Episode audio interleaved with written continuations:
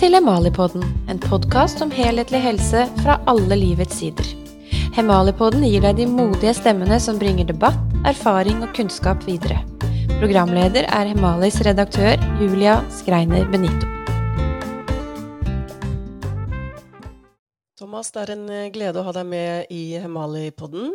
Du ser godt ut der du sitter, med svart lue på og med Marias eh, medaljer på veggen eh, bak deg. Din datter Maria hun er jo en ivrig rytter. Nå husker jeg ikke den retningen, jeg, men det kan vi komme tilbake til. En eller annen sånn cowboyretning, husker jeg. Men uh, før vi kommer dit, Thomas, hva, mm, hvordan startet du dagen i dag?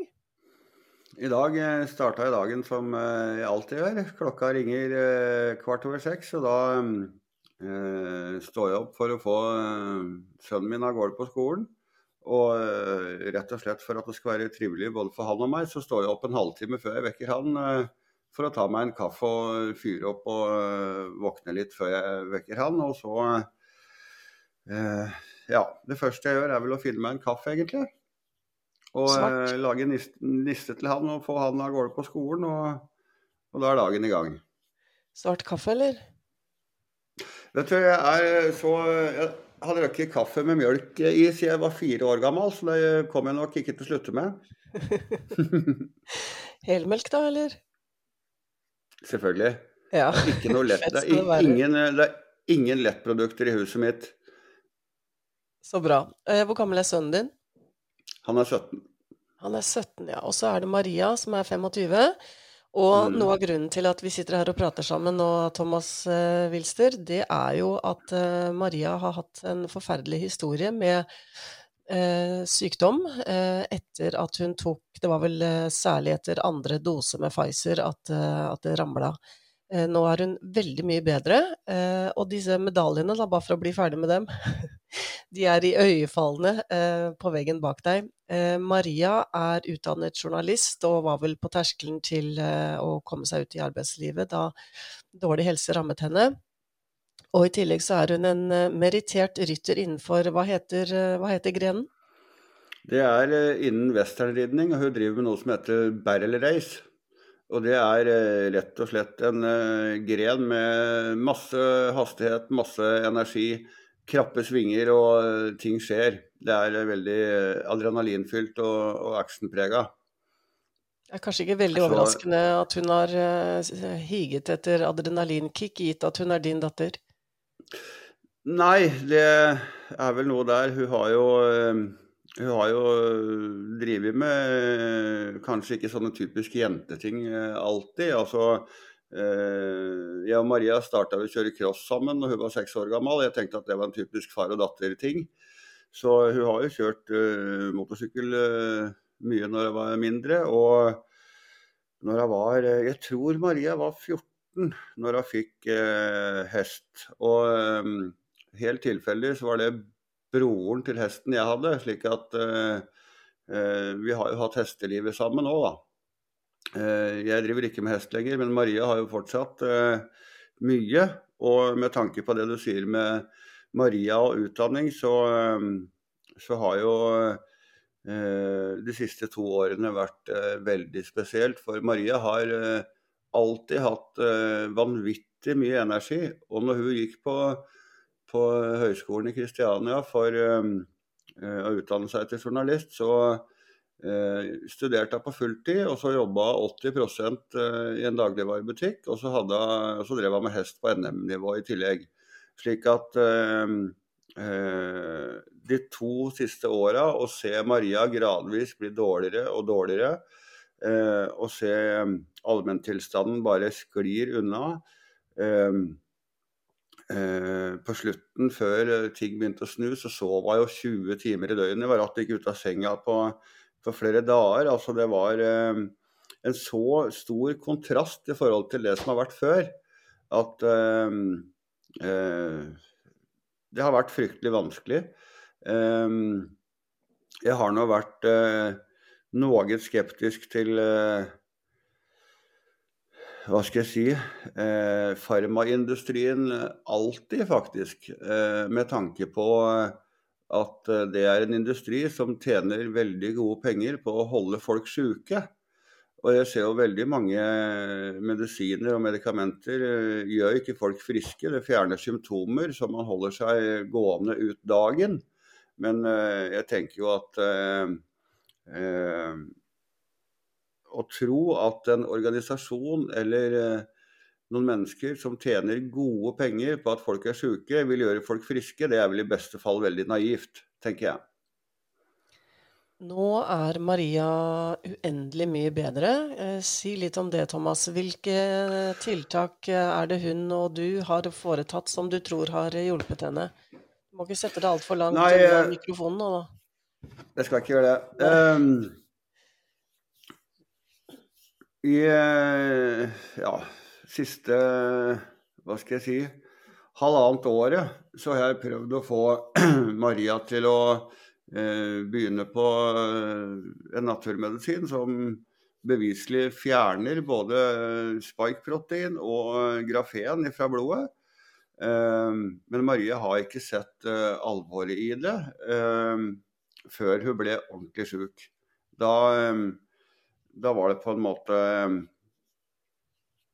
Ja, da gikk det nok opp et lys, og ville jo prøve alt. Og hun stolte jo selvfølgelig på helsevesenet, hun som alle andre. Og eh, jeg må si jeg er overrasket over den motstand som eh, eh, vi har møtt i helsevesenet. Altså eh, det at noen skal tørre å kalle en spade for en spade og faktisk si at dette her er eh, vaksineindusert, eh, den sitter veldig langt inne.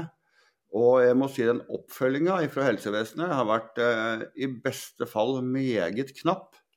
Og der er jeg nødt til å bare lese opp en ting som, eh, som eh, jeg fant på jeg, en, jeg må jo eh, Jeg må alltid kikke og lese og undersøke ting. og det, det, jeg, det kommer jeg nok ikke til å slutte med. Uh, og her, jeg, bare, jeg, må bare skyte inn, Før du begynner å lese, Thomas, må jeg bare skyte inn at uh, jeg har Marias ord på at uh, det er helt i orden at vi snakker om henne og hennes sak, så, bare, så, så, det er klargjort. Vi har jo også i Hemali omtalt både deg og Maria i flere artikler tidligere. Det har vi full tillit til. Jo, her står det Dette her er fra FHI. Så står det bivirkninger eller symptomer etter korona, koronavaksinasjon. Og denne her kom første i 12.22. Og her står det koronavaksinene kan gi bivirkninger, men de er stort sett milde eller moderate og går over etter noen dager. Forferdelig løgn. Eh, for noen vil symptomene være mer kraftige. Og her kommer det siste, det som står nederst. Det er tett oppfølging av bivirkninger fra koronavaksinene. Det er løgn fra ende til annen. Det er ingen oppfølging. Det er i hvert fall helt klart. Det de har gjentatt, er jo eh, vi overvåker tett, og vi anbefaler at eh, mistanke om eh, bivirkninger meldes inn. Men det er klart, verken overvåking eller et register som gir oss noen tall, hjelper slike som Maria. Følger situasjonen nøye. Ja. Har vi vel hørt ganske lenge. Hvordan har situasjonen ting. hennes blitt fulgt? Ikke i det hele tatt. Altså, eh, Maria endte jo med å bytte fastlege. Eh, og etter at hun gjorde det, så har, ting, har, jo ting blitt veldig mye bedre. Det er ikke noe å lure på. Eh, blir fulgt opp bedre der, men jeg vil ikke kalle det oppfølging i den grad eh, Ehm, når alle henvendelser til lege og helsevesen kommer fra Maria og til helsevesen, fra Maria til lege, så er det ingen Det er ikke noe andre veien. Det er ingen som tar kontakt med Maria eller Altså det er faktisk kun én vei. Det er ingen oppfølging. Det er løgn fra ende til annen. Men noe som er litt morsomt, da. Eh, nå har jeg brukt eh, ja i hvert fall ett og et halvt år på å lese artikler, prate med kloke folk, eh, både inn- og utland. Eh, og eh, det var det som gjorde at vi kom over uh, dette her naturproduktet som heter uh, natokinase. Uh, og begynte å lese om dette her. Og um, da var det en lege Nå husker jeg ikke navnet på han, så skal jeg ikke, si, skal jeg ikke påstå noe som helst. Men en lege i USA som ble vaksineskadd sjøl. Men han var en veldig flink og klok lege som aldri har lukka verken sin eller pasientene sine ute fra naturmedisin i tillegg.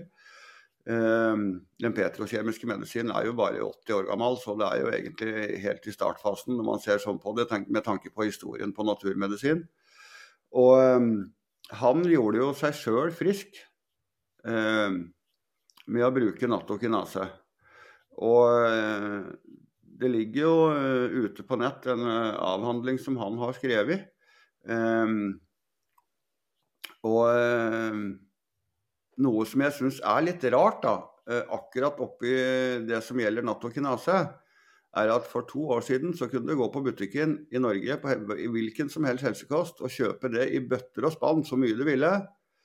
Um, og nå i, har det blitt Først ble det resept på det i Norge, og nå er det faktisk ulovlig å, å selge i Norge. Det syns jeg er litt rart, da, med tanke på den situasjonen vi er i, med så mange som uh, har godt av dette her.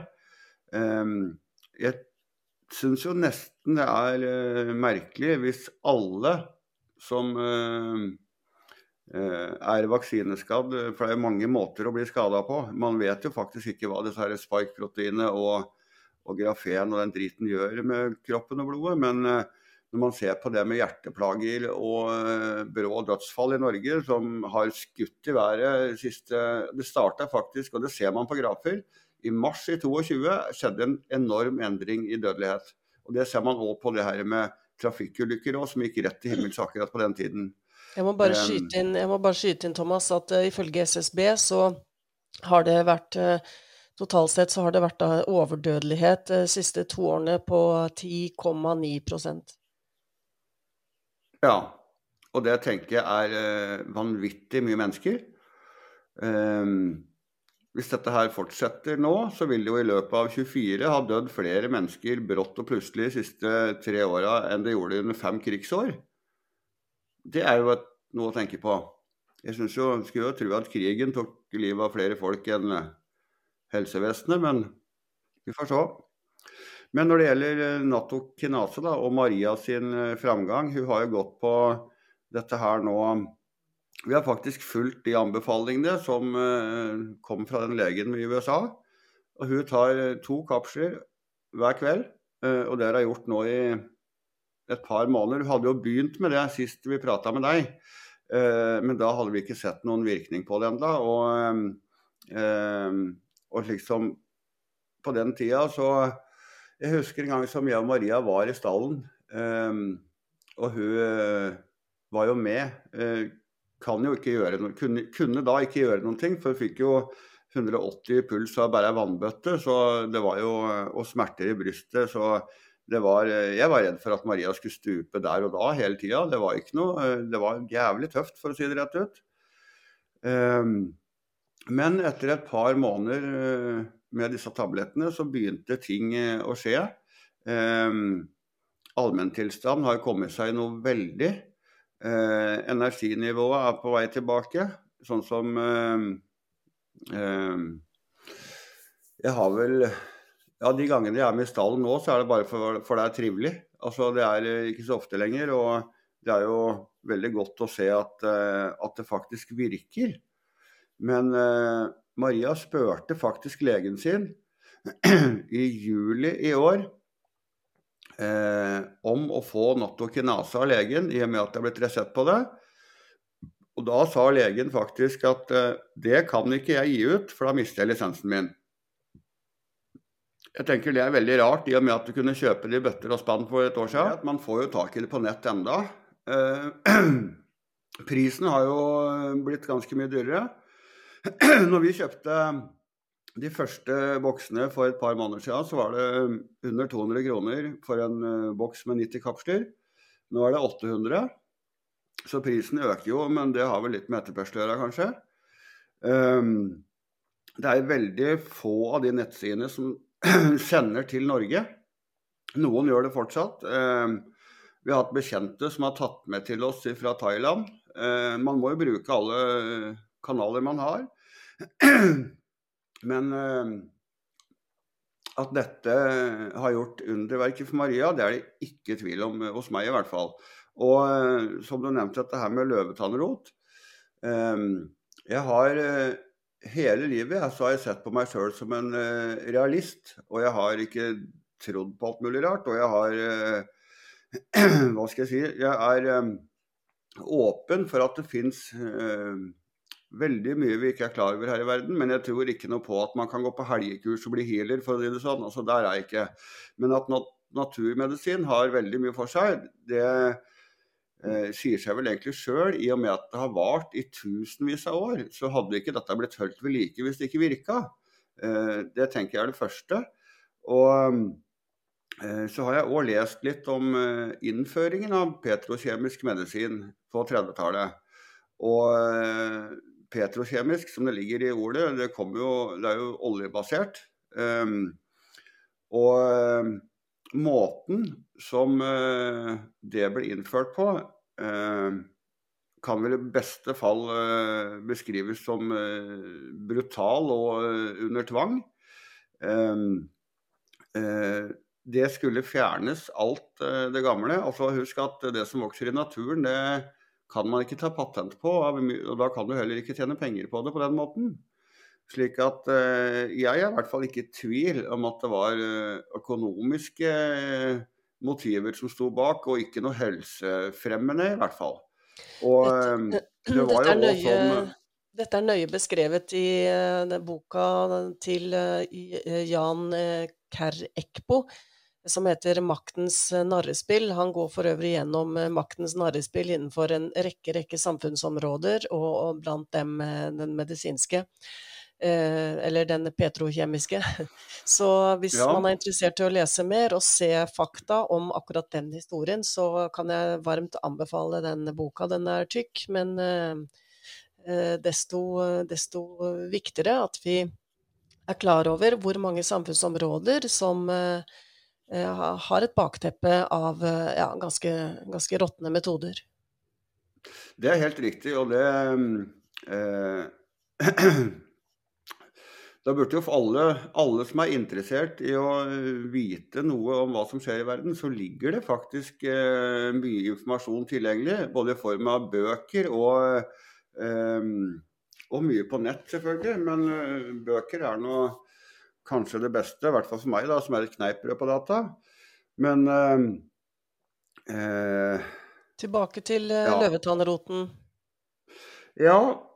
Eh, de siste tre årene har jo gjort at jeg har virkelig fått øya opp for hvilken kynisme som ligger bak eh, eh, farmaindustrien. Og, og hvor drøyt det er at de faktisk går over lik for å få gjennom sine hva skal jeg si, forslag eller uh, preparater eller medikamenter. Det er jo uh, bare sånn som det har kommet fram i det siste med uh, rettssakene mot Pfizer. Og, litt artig å se. Jeg har en kompis som er veldig opptatt av økonomi og følger med mye på det. Og han viste meg grafer på aksjene til Pfizer nå de siste tre ukene. Det går rett, rett ned. Ja, det er fortjent. så det er klart hmm? Ja, det er fortjent. Det er veldig fortjent, men eh, jeg tenker at når eh, aksjemarkedet stuper sånn, da ligger det noe i lufta. Da er det noe som kommer som vi, som vi enda ikke vet, men er, der er det noe som kommer, siden folk vil fjerne seg fra det produktet. Det er jeg helt overbevist om. Men uh, tilbake til det med løvetannrot. Ja. Jeg har jo lest uh, masse om uh, naturmedisin, og spesielt ting som er å finne i naturen i Norge. Eh, det eksisterer jo et par bøker eh, om tema, temaet, men de syns jeg var svært vage og inneholdt stort sett hvordan kan man lage god te av forskjellige drikker, altså, eller forskjellige planter. Jeg syns det var lite der som gikk inn på det som faktisk virker. For det fins meget kraftige eh, saker i norsk natur som eh, kan gjøre både gode ting og dårlige ting med kroppen til folk. Um, når det gjelder dette her med løvetann, det er litt interessant. For nå lærte man jo på skolen at løvetann er giftig, det må du ikke spise. Eh, og så ser man nå at eh, løvetann er jo brukt eh, før i tida. Masse i mat også. Eh, eh, så vi har jo prøvd det i sommer, jeg og sønnen min, å bruke løvetannblader som salat på burger f.eks. Kjempegodt. og Finner jo hagen. Helt supert. Men det som er interessant, er jo denne rota. For når, når løvetann blomstrer og vokser, så går jo krafta fra rota og opp. Da er det jo ikke noe futt i rota. Men på høsten, når løvetann er ferdig blomstra og det er bare noen grønne, grønne blader som står igjen, og den gjør seg klar for vinteren, så går jo alle godstoffene tilbake til rota. Og hvis man graver opp løvetannrøtter, så blir man jo først veldig overrasket hvor store de er. Og eh, tar man en sånn løvetannrot og vasker og eh, holder fram ved siden av et bilde av ginsengrot, så er det noe merkelig lik. Altså, det er eh, litt interessant. Det inneholder mye fuktighet. Når du tørker dem, er det nesten ikke noe igjen av dem. Så det inneholder mye fuktighet. Man trenger en del? Heldig, man trenger en del, men jeg er så heldig så jeg kjenner Jeg har et vennepar som er veldig kloke og varme mennesker, som har engasjert seg veldig i Maria sin situasjon. Og hun dama der, hun eh, fant en gammel oppskrift, han er vel faktisk 800 år gammel, på å lage tinktur av, av løvetannrot. Og løvetannrot det er jo helt suverent mot Eller mot, altså for å det er bra for eh, hjertet, det er bra for blodomløp, det er bra for eh, eh hjerneaktivitet. Det har eh, en positiv virkning på ledd og muskler. Det er eh, veldig kraftig. Eh, det er ikke alle som tåler det, for hvis det blir behandla feil, så kan det Det er kraftige saker, så da kan det faktisk gjøre litt trøbbel.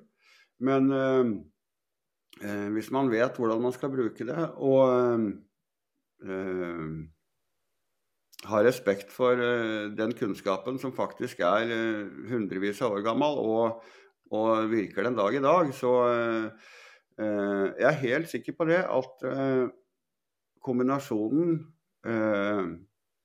av natokinase og løvetannrot, den har nok aldri vært prøvd med tanke på at som du sa, eh, natokinase kom jo opprinnelig fra Østen. Og eh, jeg vet jo selvfølgelig ikke om, eh, eh om det er kombinasjonen som er bra, eller, eh, eller, eh, eller om det er bare Eller om det er tilfeldig. Mange vil jo hevde det, det, det, det, sant? Dette er tilfeldig, hva mange sier. Det kan det selvfølgelig være, men det, det vet man nå ikke. Men uh, Marie har i hvert fall hatt en sånn progresjon på egen helse at, uh, at dette her slutter hun ikke med. Um, ifølge han amerikanske legen så, så tar det ni til tolv måneder før uh, man blir kvitt dritten fra blodet ved å gå på natokinase. Og um, vi har noen måneder igjen, men dette her skal vi nå bare fortsette med. Det er ehm, fantastisk. Jeg så jo så vidt Maria, hun hjalp deg litt med det tekniske før opptak. Jeg så henne så vidt, og hun ser jo ut som en helt annen jente enn det hun var da jeg så henne sist eh, via, via skjermen. Og så må vi bare understreke, vi må understreke, Thomas, at um, til dem som nå vurderer å bruke nattokinase, løvetannrot eh, og andre naturmidler, så er det jo da eh, meget viktig at en gjør det i samråd med en fagperson som har kunnskap eh, om dette. Gjerne en lege som har kunnskap om naturmedisin. Ja, helt klart. Folk må undersøke sjøl. Men jeg tenker jo at i dette her samfunnet vi har nå, så er det jo ingen som har ansvaret for noen ting. Det er alltid noen å skylde på. Så jeg tenker at vi har sjøl ansvaret for egen helse og uh, hva vi gjør og uh, hva vi ikke gjør.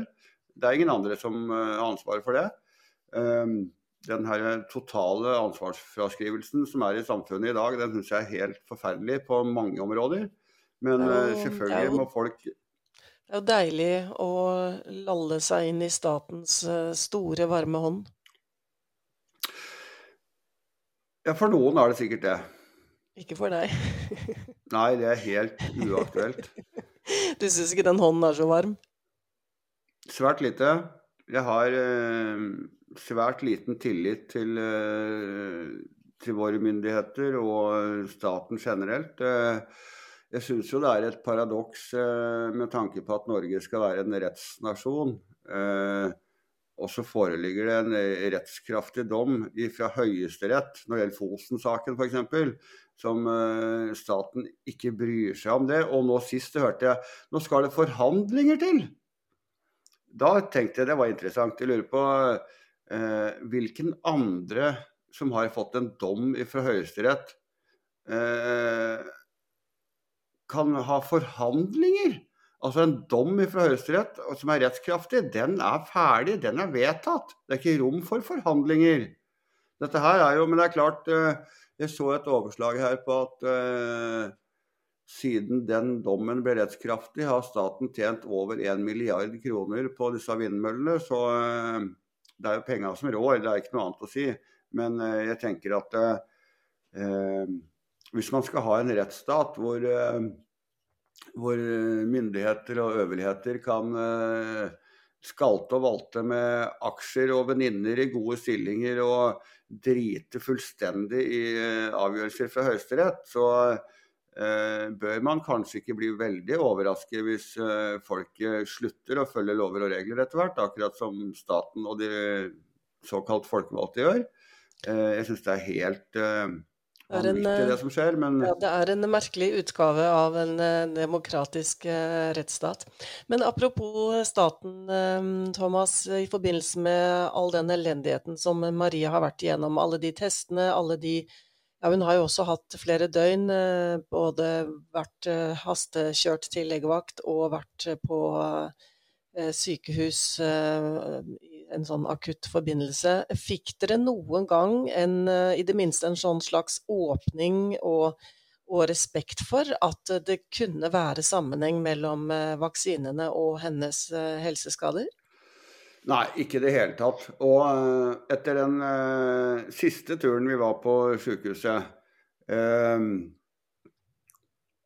så eh, er det jo ingen som vet, og ingen har peiling, og ingen skjønner hvor dette kommer ifra. De ser at hjertet er helt på bærtur, men ingen har noen uh, formening om uh, hva det skyldes. Um, og jeg skal prøve å beherske meg og bruke snille ord, men det her legemennesket som var på sykehuset, som står der og sier at vi ser verdiene, men vi skjønner ikke hva det skyldes. Um, og eh, jeg blir jo litt irritert, for jeg, det er ikke noe tvil om at det her skyldes. Det er bare å se på så mange som har problemer med, med hjertet og eh, hva skal jeg si, hele blodomløpssystemet etter at disse her eh, såkalte vaksiner Jeg syns heller ikke at folk skal kalle det vaksiner, for det er det ikke. Definisjonen på en vaksine er helt klar i Norge. Dette her er ingen vaksine. Hva det er, vet jeg ikke, men en vaksine er det i hvert fall ikke. Så det burde folk slutte å si. Det er nå én ting. Men uh, dette her legemennesket skjønte nok at uh, jeg for det første er en som kan litt om dette her, som har lest og fulgt med litt på hva som har skjedd. Så når jeg begynte å stille et par enkle spørsmål, det var ikke vanskelig i det hele tatt, så var ikke hun interessert i å prate noe mer med meg. Men jeg så jo på hun, altså jeg tror, jo rett, jeg tror faktisk på at øya er sjelens speil, jeg da. Og eh, jeg så jo at hun visste, og jeg så at hun forsto, og jeg så at hun forsto at jeg skjønte at hun visste. Det ble en artig setning, men sånn var det faktisk. Og um, hun ville ikke være i rommet med meg eller med oss lenger. Altså, og Maria um, prøvde vel um, så godt hun kunne å hva skal jeg si, holde maska der jeg lå med ledninger overalt. og Ingen har noe svar i det hele tatt. Um, og det er klart, jeg var nok litt prega av eh, situasjonen, jeg Og jeg er nå følsomt av meg, så uh, det var uh, Det kom noen tårer ved sjukesenga da. Og uh, det var jo da Maria sa at Jeg tror dette her er aller verst for deg, jeg, pappa. Det er ganske tøft å høre. Litt Ja, det er litt nært og vanskelig å prate om, kjenner jeg, men det er nå sånn det var. Det hadde vært rart, Thomas, om ikke dette var nært og vanskelig og sårt å prate om. Det er jo jenta di. Absolutt. Men det er veldig godt å se nå, da. Nå eh,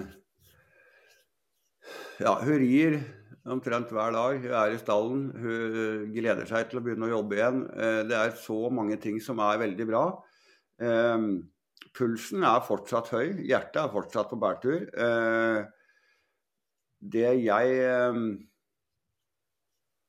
er redd for, for å være helt ærlig og eh, vi har jo fått eh, tillatelse av Maria til å prate åpent om ting. Og det jeg er redd for, har jo vært at eh, eh, i og med at vi ikke kom i gang med her, denne behandlingen før Maria faktisk ble veldig syk, så har jeg vært redd for at spike-proteinet allerede kan ha laga faenskap som er irreversibelt.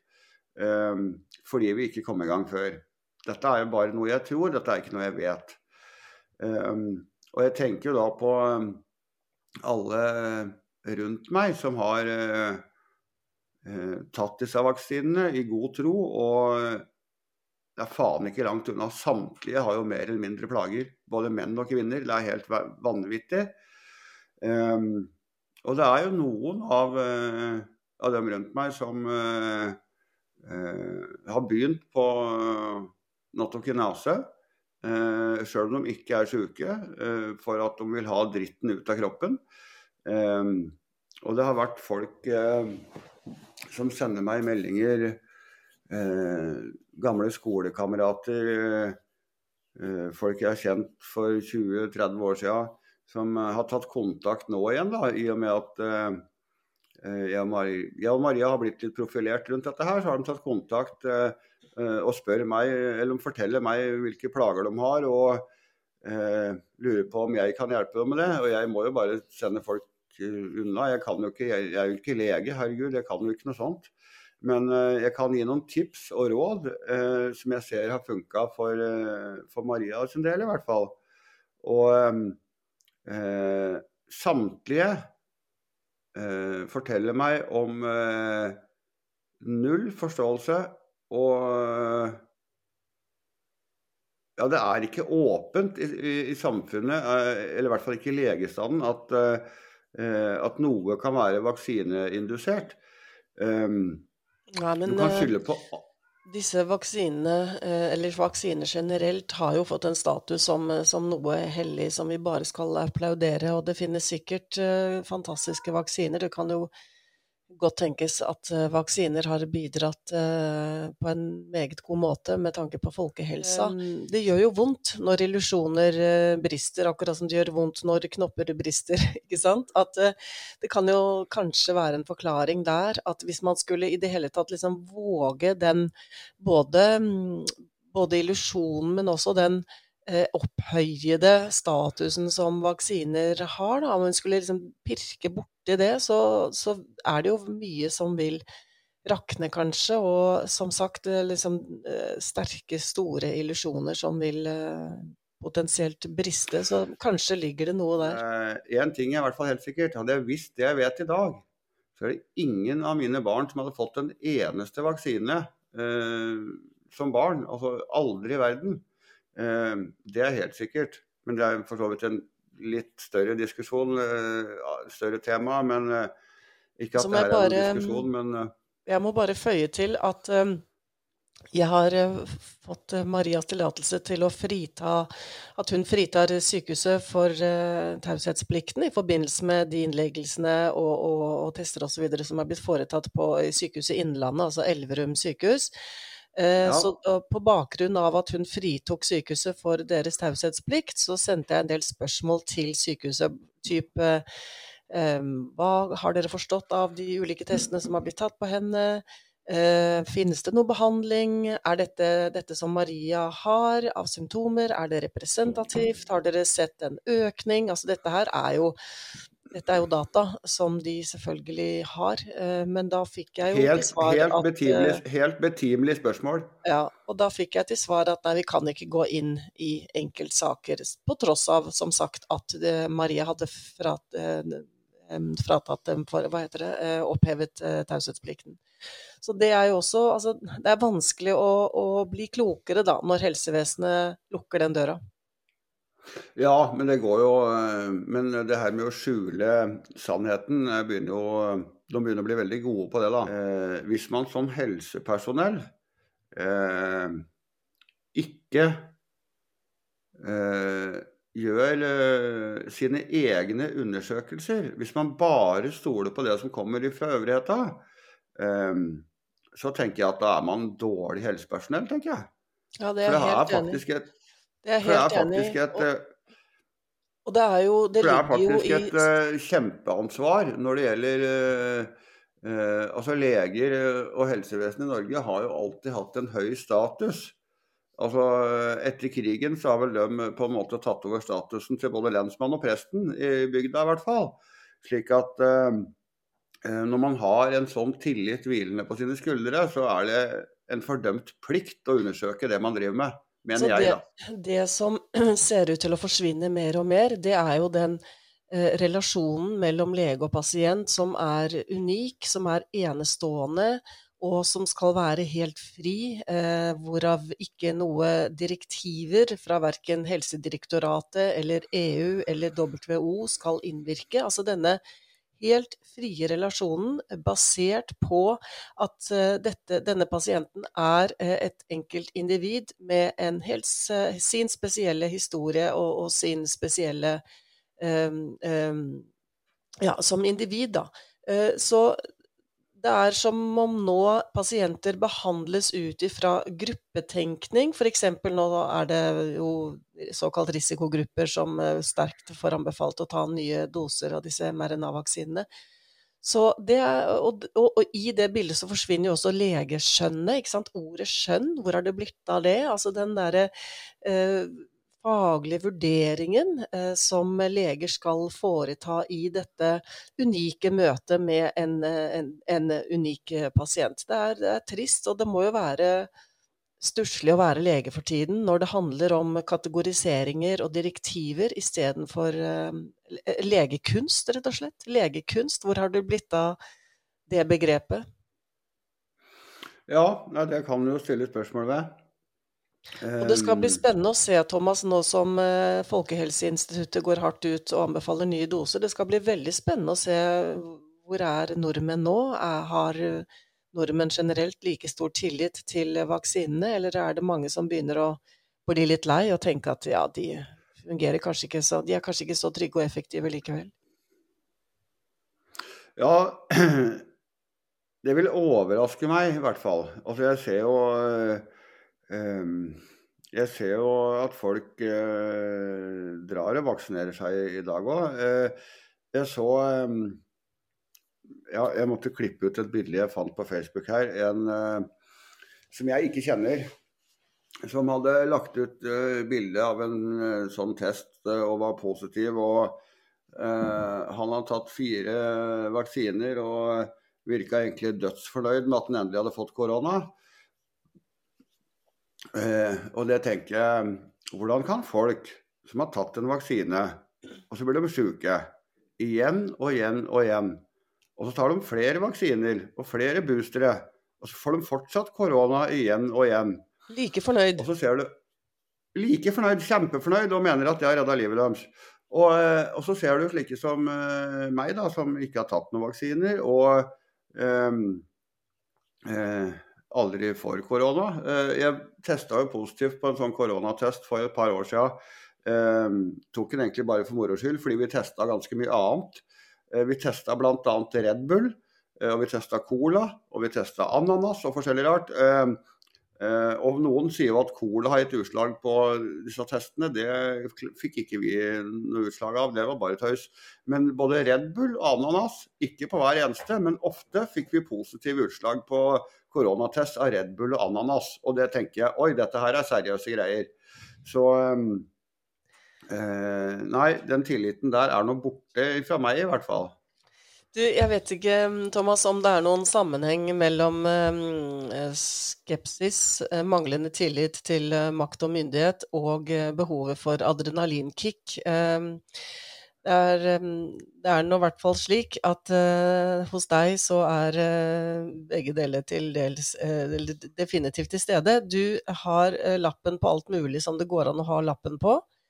Du, du, sa til meg at uh, noen av vennene dine mener at du har liksom sånn dødsønske. Det er ikke akkurat det, men uh, du liker fart og spenning. Jeg har, jeg, jeg har holdt på med ekstremsport uh, hele livet. hanggliding, paragliding, fallskjerm, paramotor, klippestuping Ja, jeg drevet med veldig mye rart. Jeg hadde vel en såpass kreativ måte å kjøre sykkel på når jeg var ung at det var ingen som trodde jeg skulle bli 20. Så jeg må jo si at det har jo gått over all forventning. Nå er jeg jo over 50, så det har jo gått veldig bra for min del. Men uh, uh, det du sier der med at slike som meg kanskje har litt vanskeligheter med å godta alt mulig rart, det ja, jeg har vel tenkt det i mange år. Men så har jeg jo sett det både i uh, ekstremsportmiljøet generelt, når det gjelder både paragliding og fallskjerm og, og hanggliding. um, så har jo omtrent samtlige tatt alle disse sprøytene og har full tillit til disse vaksinene. Eh, det samme gjelder jo eh, MC-miljøet, som jeg eh, er veldig glad i, så er det veldig mange Det er overraskende mange som har hatt tillit til, til helsevesenet her og, og tatt disse sprøytene. Så det overrasker meg, det må jeg si. Når Hvordan, det gjelder når de hva er historien om at du utviklet slik skepsis da, mot makt og myndighet? Jeg tror jeg starta allerede på barneskolen. Jeg. Når vi fikk forklart ting eh, på skolen. Og jeg har vel alltid vært den som har spurt hvorfor er det sånn? Hva er det som gjør at det er sånn? Jeg har vel ikke godtatt alt mulig alltid. Jeg har vel stilt litt spørsmål. Um, og det henger vel òg mye sammen med at for meg så er friheten min er det viktigste, viktigste man har. Og eh, dette gjenspeiler vel litt eh, slik som oppdragelsen på ungene mine har vært òg. Altså, eh, jeg har ikke vært så veldig opptatt av så mye regler. Men eh, eh få regler, men de skal holdes. Altså, man skal, eh, jeg har vært litt nazi på, på leggetid og, og slike ting. Eh, og man skal oppføre seg pent, man skal være høflig og hyggelig. Man skal ta hverandre i hendene og hilse ordentlig. Man skal ja, rett og slett eh, oppføre seg ordentlig. Men eh, de har hatt uh, ganske uh, mange andre muligheter på andre ting, da. Uh, Maria f.eks. var jo med meg og fløy masse paraglider og paramotor før jeg hadde lov til å fly det. Men det var nå en ting jeg gjorde, og tok jo lappen i ettertid, så det var nå greit. begge ungene mine har jo kjørt bil selvstendig fra de var seks år. Ikke i trafikken, selvfølgelig, men, eh, men, på jordet og i lukka former. Eh, begge to starta med motorsykler, crossere, når de var eh, fem-seks år. Eh, og eh, man kan tenke at det er farlig både å kjøre motorsykkel eh, og man kan tenke at det er farlig å holde på med hest, og liksom Maria driver på. Eh, Akkurat når det gjelder Maria og hest, særlig og i dag, så er jeg ikke veldig skeptisk til det i det hele tatt. Men det var jo en periode hvor eh, det gikk litt over stokk og stein. Uh, med tanke på at det her med å søke litt adrenalin. Uh, så Maria òg hadde jo Altså varmedresser er ganske glatte plagg. Og Maria bar bak på en hest på 1,65 som da hopper hinder 1,10 uh, uten sal og uten hodelag og var ganske gæren, da. Um, så med pappahjertet litt oppi halsen da, så kunne jeg egentlig ikke si annet enn ha på deg hjelm, da i hvert fall. For det, det er noe med at øh, øh, å, å, ha en litt sånn oppdragelse som gjør at man får muligheten til å teste ut forskjellige ting, så oppdager man nå at gjør man dumme ting, så gjør det vondt. Altså, hvis ikke, jeg, ja. Ja, hvis ikke vi som barn faller og slår oss og får skrubbsår og hvordan skal vi da lære eh, koordinere kroppen slik at vi kanskje unngår å falle neste gang, eller vi faller på en litt smart måte så vi ikke slår oss fælt. Men det er jo nettopp vår, um, vår angst for risiko, vår uh, angst for døden, som gjør det så lett å, å bruke denne frykten um, i spørsmål rundt helse, f.eks.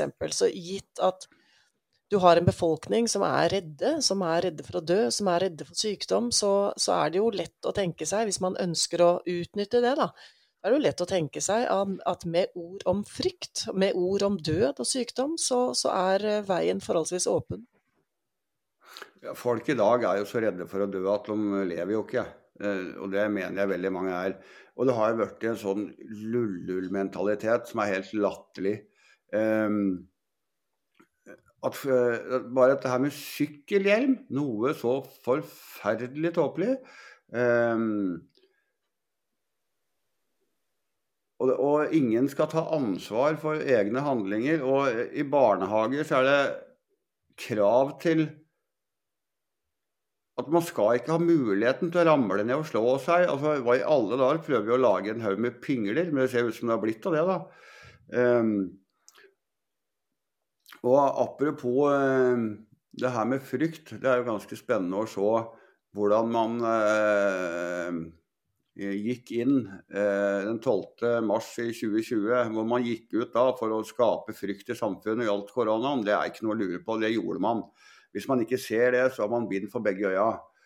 Jeg husker ikke hva dette her legemennesket som satt på TV-en i beste sendetid, jeg mener det var torsdag 12. mars, jeg lurer på om det var det, og sa det at hundretusenvis av nordmenn kan komme til å dø. Det var på en måte åpningen.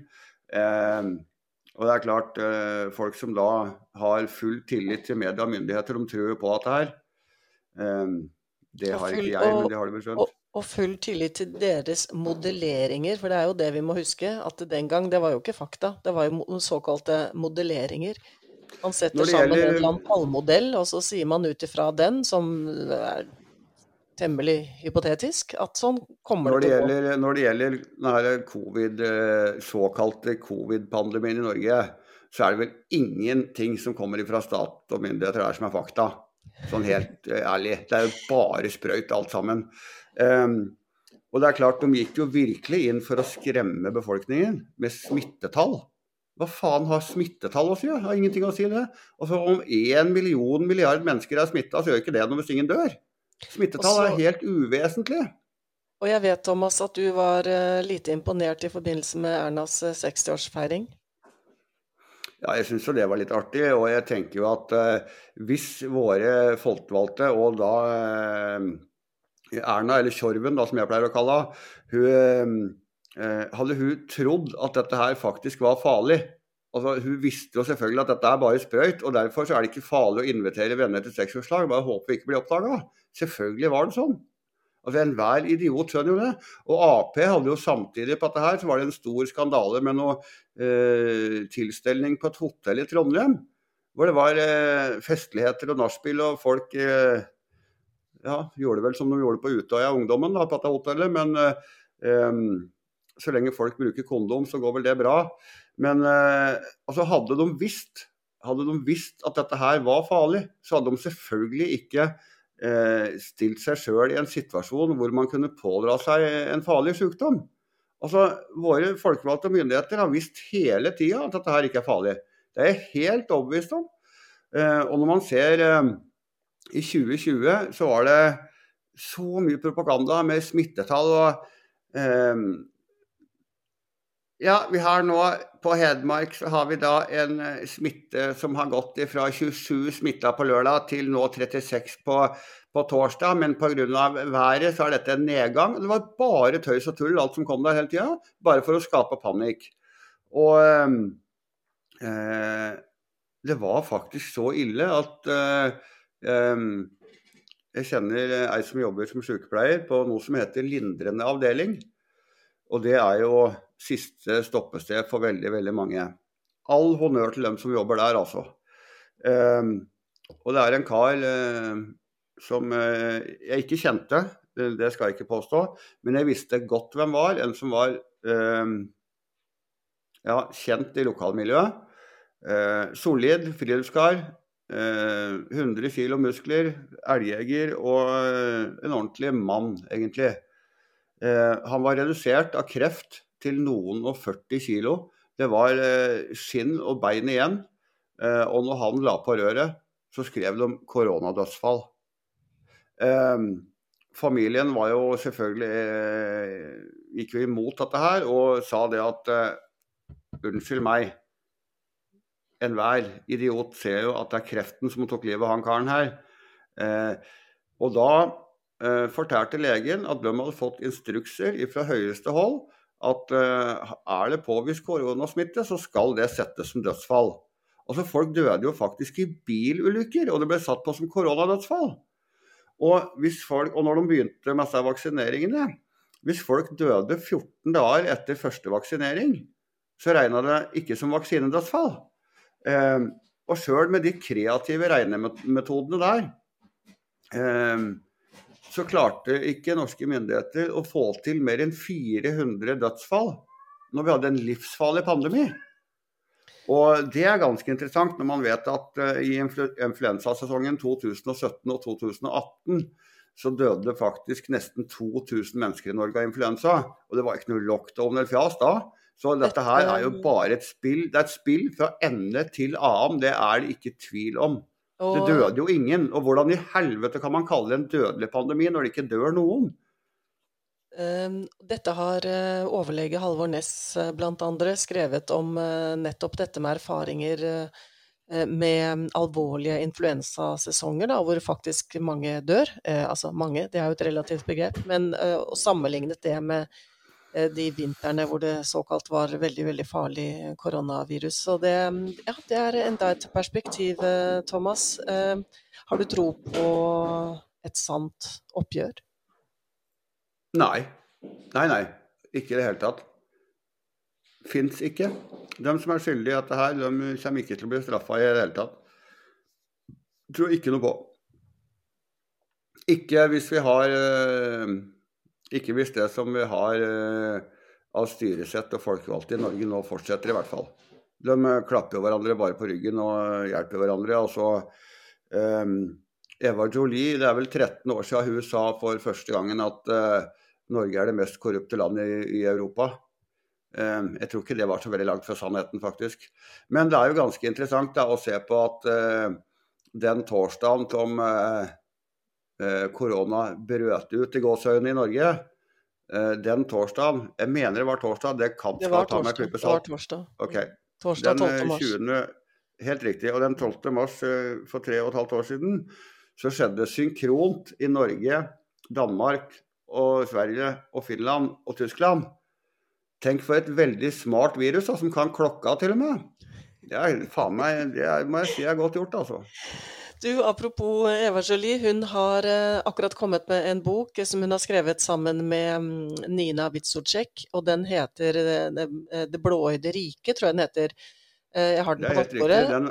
Og det er ganske interessant lesning, fordi det de peker på, det er at det kan bli for mye tillit. Og selvfølgelig kan det det. Altså, det er jo veldig få som har pekt på at Eh, for mye tillit, da tipper det jo fort den andre veien. At vi, eh, at vi, blir for naive, rett og slett. At vi sovner i dette såkalte demokratiet vårt.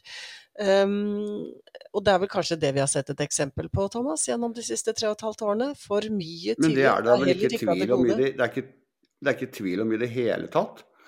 Eh, og jeg må jo si eh, nordmenn må jo være det mest konforme eh, folkeslag i hele verden. Altså eh, Det er jo ikke jeg, vet nesten ikke hva jeg skal si. Det er, det er ikke ofte jeg er tom for ord, altså, men eh, at folk eh, kunne gå mann av huset for, eh, for dette her fjaset her. Og eh, tro mer på media enn det de så sjøl med egne øyne. Um, og um, avslutningsvis så har vi jo standardspørsmålet, da, vet du. Hva er det du gjør eh, som et sånn enkeltgrep for helsa som du har skikkelig tro på? I hvert fall være mye ute. Mye ute i naturen. Det er, eh, det er i hvert fall eh, veldig viktig. Eh, både for eh, kropp og sjel, og alt henger jo sammen. Eh, har man det bra med seg sjøl, så er man jo friskere. Uten tvil. Um, og jeg vil nå avslutningsvis uh, uh, oppfordre folk ja, til å uh, undersøke sjøl. Ikke tro på alt du hører. og det er så masse informasjon som ligger tilgjengelig, både når det gjelder Eh, hva som har skjedd i, Norge og Vesten de siste eh, tre årene. Eh, det er masse tall som viser at denne overdødeligheten som vi ser nå, den er ikke i land hvor det har vært lite vaksiner eller ikke vaksiner i det hele tatt. Det er kun i de landene med høy vaksineprosent, vaksinegrad heter det vel, hvor dette her faktisk eh, er et tema. Um, og det med at den overdødeligheten ligger på 10% ifølge statens uh, egne hva skal jeg si, FHI, var det de som kom? Ja, SSB 10,9 uh, SSB var det som hadde, ja. Jeg tror faktisk den er atskillig høyere. For det, det, samme organet sier vel at vi har en inflasjon i Norge på ca. 7 sier de ikke det? Og når man ser at eh, Hvis man bare går en runde på Kiwi og ser på hva kjøttdeigen koster, hva biffen koster og hva mjølka koster, så ser du at eh, det er mye høyere enn 7% inflasjon i Norge. Det er jo atskillig høyere. Så eh, jeg tar vel det der med en klype salt. Jeg må jo håpe at jeg tar feil. Det har jeg gjort med alt jeg har sagt de siste tre åra. Men eh, jeg er redd eh, Jeg er fortsatt redd at vi har sett bare toppen av isfjellet. og Eh, det ser jo ikke ut som at denne grafen går nedover, tvert imot. Eh, men det kan jo, kan jo du òg kikke på eh, ved leilighet. Så ser du det fra media mars i 22. Da begynte dødsfall å stige. Og samtidig så ble det en enorm økning i trafikkulykker i Norge. For så vidt det gjelder hele den vaksinerte verden. Eh, og, og, dette, og våre, jeg husker Nakstad igjen og igjen og andre forklarte overdødeligheten med etterslep. Jeg syns det er et veldig interessant eh, statistisk perspektiv. Etterslep. Ja, nå var det vel eh, Hvis jeg ikke husker helt feil, så viste de offisielle tallene fra FHI at eh, det i 2020 døde 73 færre mennesker enn i 2019. Så så veldig etterslep er det vel da ikke snakk om. Det er, vel, det er bare løgn, det òg.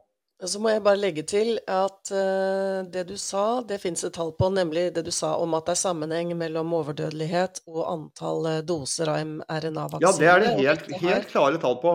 Ja, dette har blant andre den norske professoren Jarle Aarseth gjort studier på, og vi har omtalt dem på Hemali, så her kan man bare se det selv at um, det foreligger uh, noen indisier, noen funn i hvert fall, på at det er en sammenheng der. Så får vi bare håpe at, uh, at uh, folk begynner å tenke litt sjøl og faktisk ta blikket litt vekk fra NRK og TV 2 og se litt ut i verden. og det er eh, veldig mange som har hatt veldig sterke meninger om dette her i tre og et halvt år, men de har blitt effektivt sensurert på alt som er av eh, mainstream media. Men det er å finne av hvis man leter, og det er ikke vanskelig når til og med jeg finner det. altså. Til og med du. Takk skal du ha, Thomas. Vi eh, holder kontakten, vet du. Det gjør vi. Ja, ha det. Ha det bra.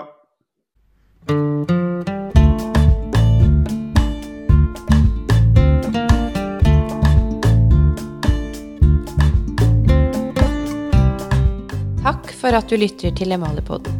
Likte du det du hørte, håper vi at du vil fortelle andre om oss. Gjør det til en vane å klikke deg inn på hemali.no hver dag. Der vil du finne siste nytt om det fantastiske potensialet i livsstil for helse.